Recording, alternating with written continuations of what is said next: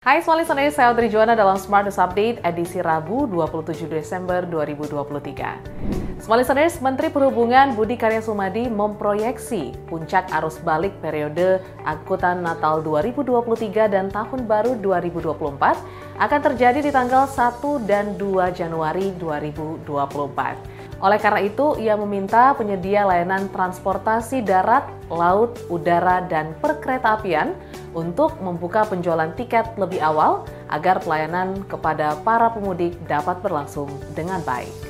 Berita selanjutnya, Menteri Pariwisata dan Ekonomi Kreatif Sandiaga Uno memproyeksikan momentum libur Natal dan Tahun Baru dapat memberikan kontribusi hingga 120 triliun rupiah terhadap perekonomian nasional.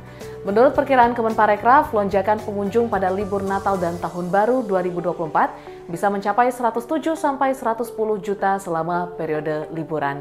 Mayoritas akan melakukan aktivitas wisata dengan amplifikasi 2 hingga 2,5 kali dari perkiraan tersebut.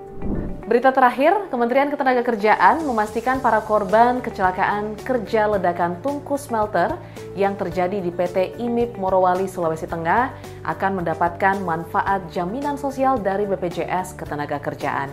Direktur Jenderal Pembinaan Pengawasan Ketenagakerjaan dan Keselamatan serta Kesehatan Kerja dari Kemenaker, Hayani Rumondang, mengungkapkan jaminan itu berlaku baik untuk korban yang meninggal dunia maupun yang luka-luka.